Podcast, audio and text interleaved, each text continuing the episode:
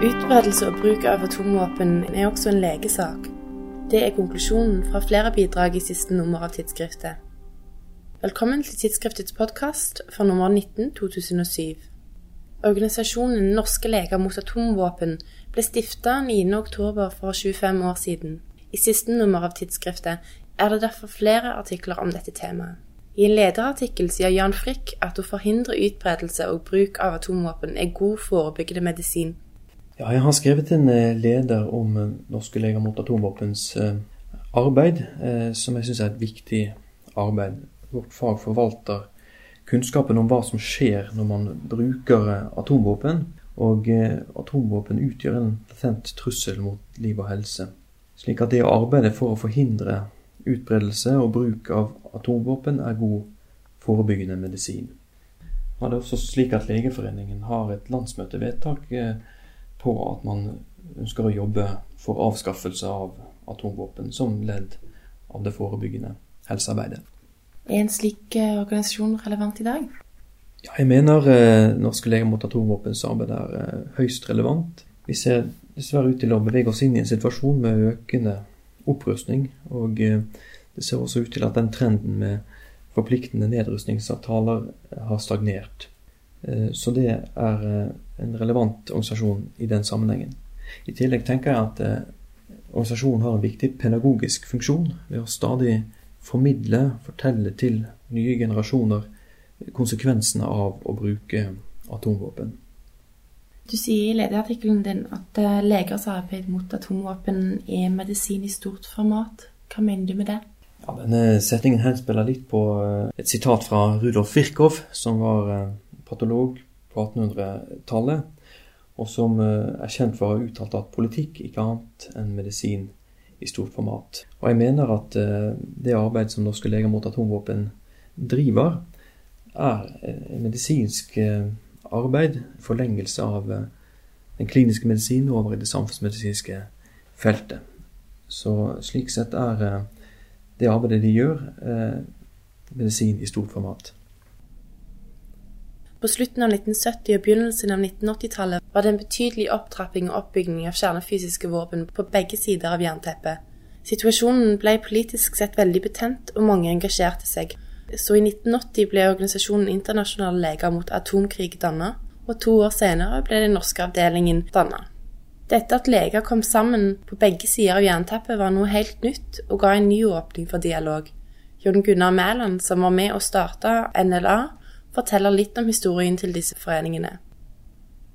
Det er ganske nøyaktig 25 år siden Den norske foreningen Leger mot atomkrig, som den opprinnelig het, ble dannet.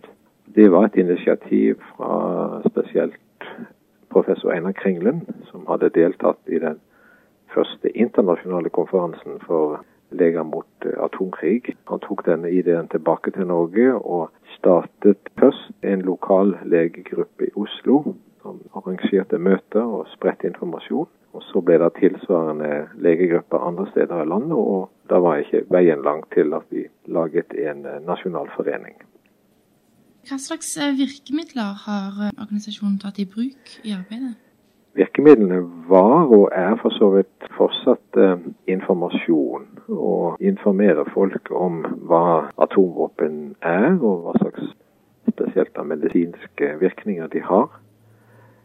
Da vi startet opp, så var det ganske viktig å gjøre det veldig tydelig og klart at eh, skulle sånne våpen blitt tatt i bruk, så var det ingen behandling. Det var ingenting helsevesenet kunne stille opp med for å bøte på de skadene som eh, disse våpnene måtte forårsake. Fordi at det var faktisk på den tiden i alle fall generaler og andre som snakket om at verden kunne komme forbi en atomkrig. Det var noe man kunne takle på samme måte som en konvensjonell krig. Men det er jo en vesensforskjell mellom disse våpnene.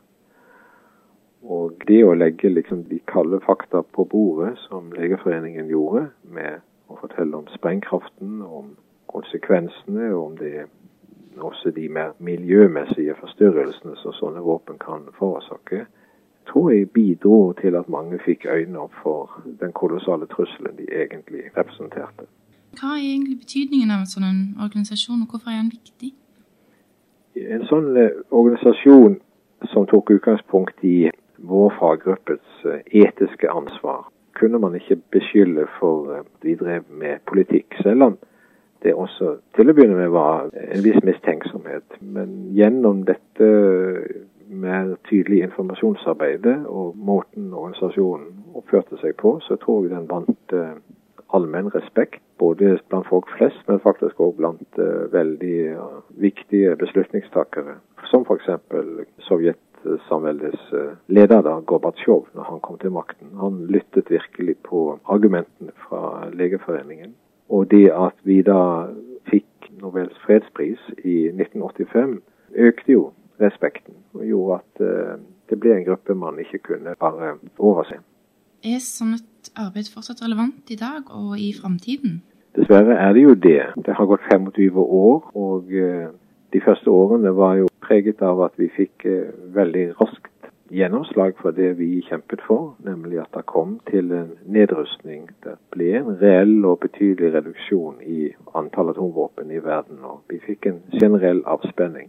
Men dessverre må vi jo si at vi er på ingen måte kvitt problemene. Vi har fortsatt bortimot 30 000 atomvåpen fortsatt i verden. Mange av de er eh, i, i høy beredskap. Og det som er mer eh, ubehagelig å tenke på, det er at både har flere land fått disse våpnene, de har spredt seg.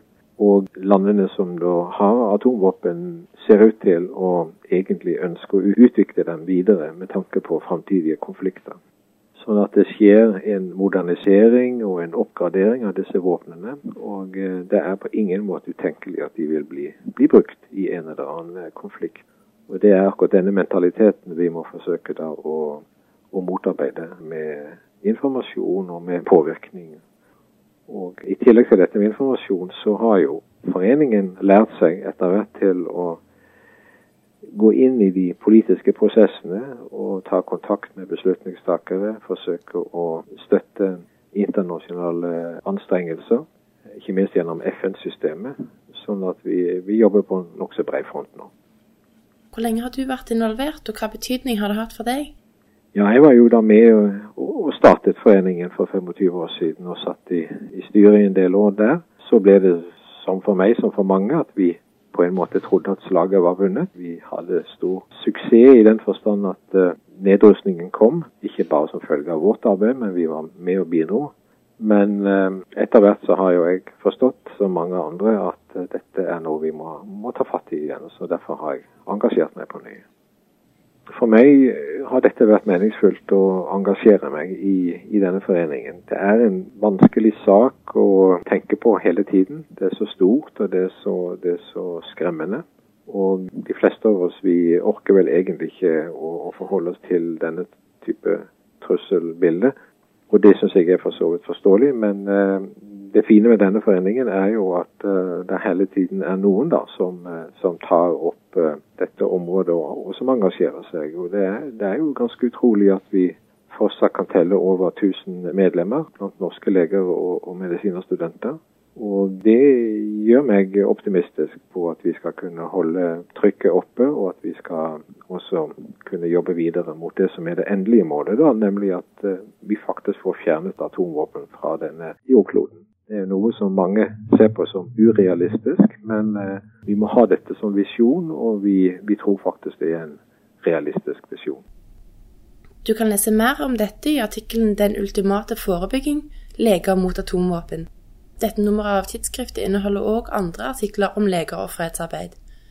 Blant annet har Einar Kringlen skrevet en kronikk om faren for at atomvåpen vil bli brukt, og Klaus Melf spør i sin kronikk om leger lærer nok om fredsarbeid.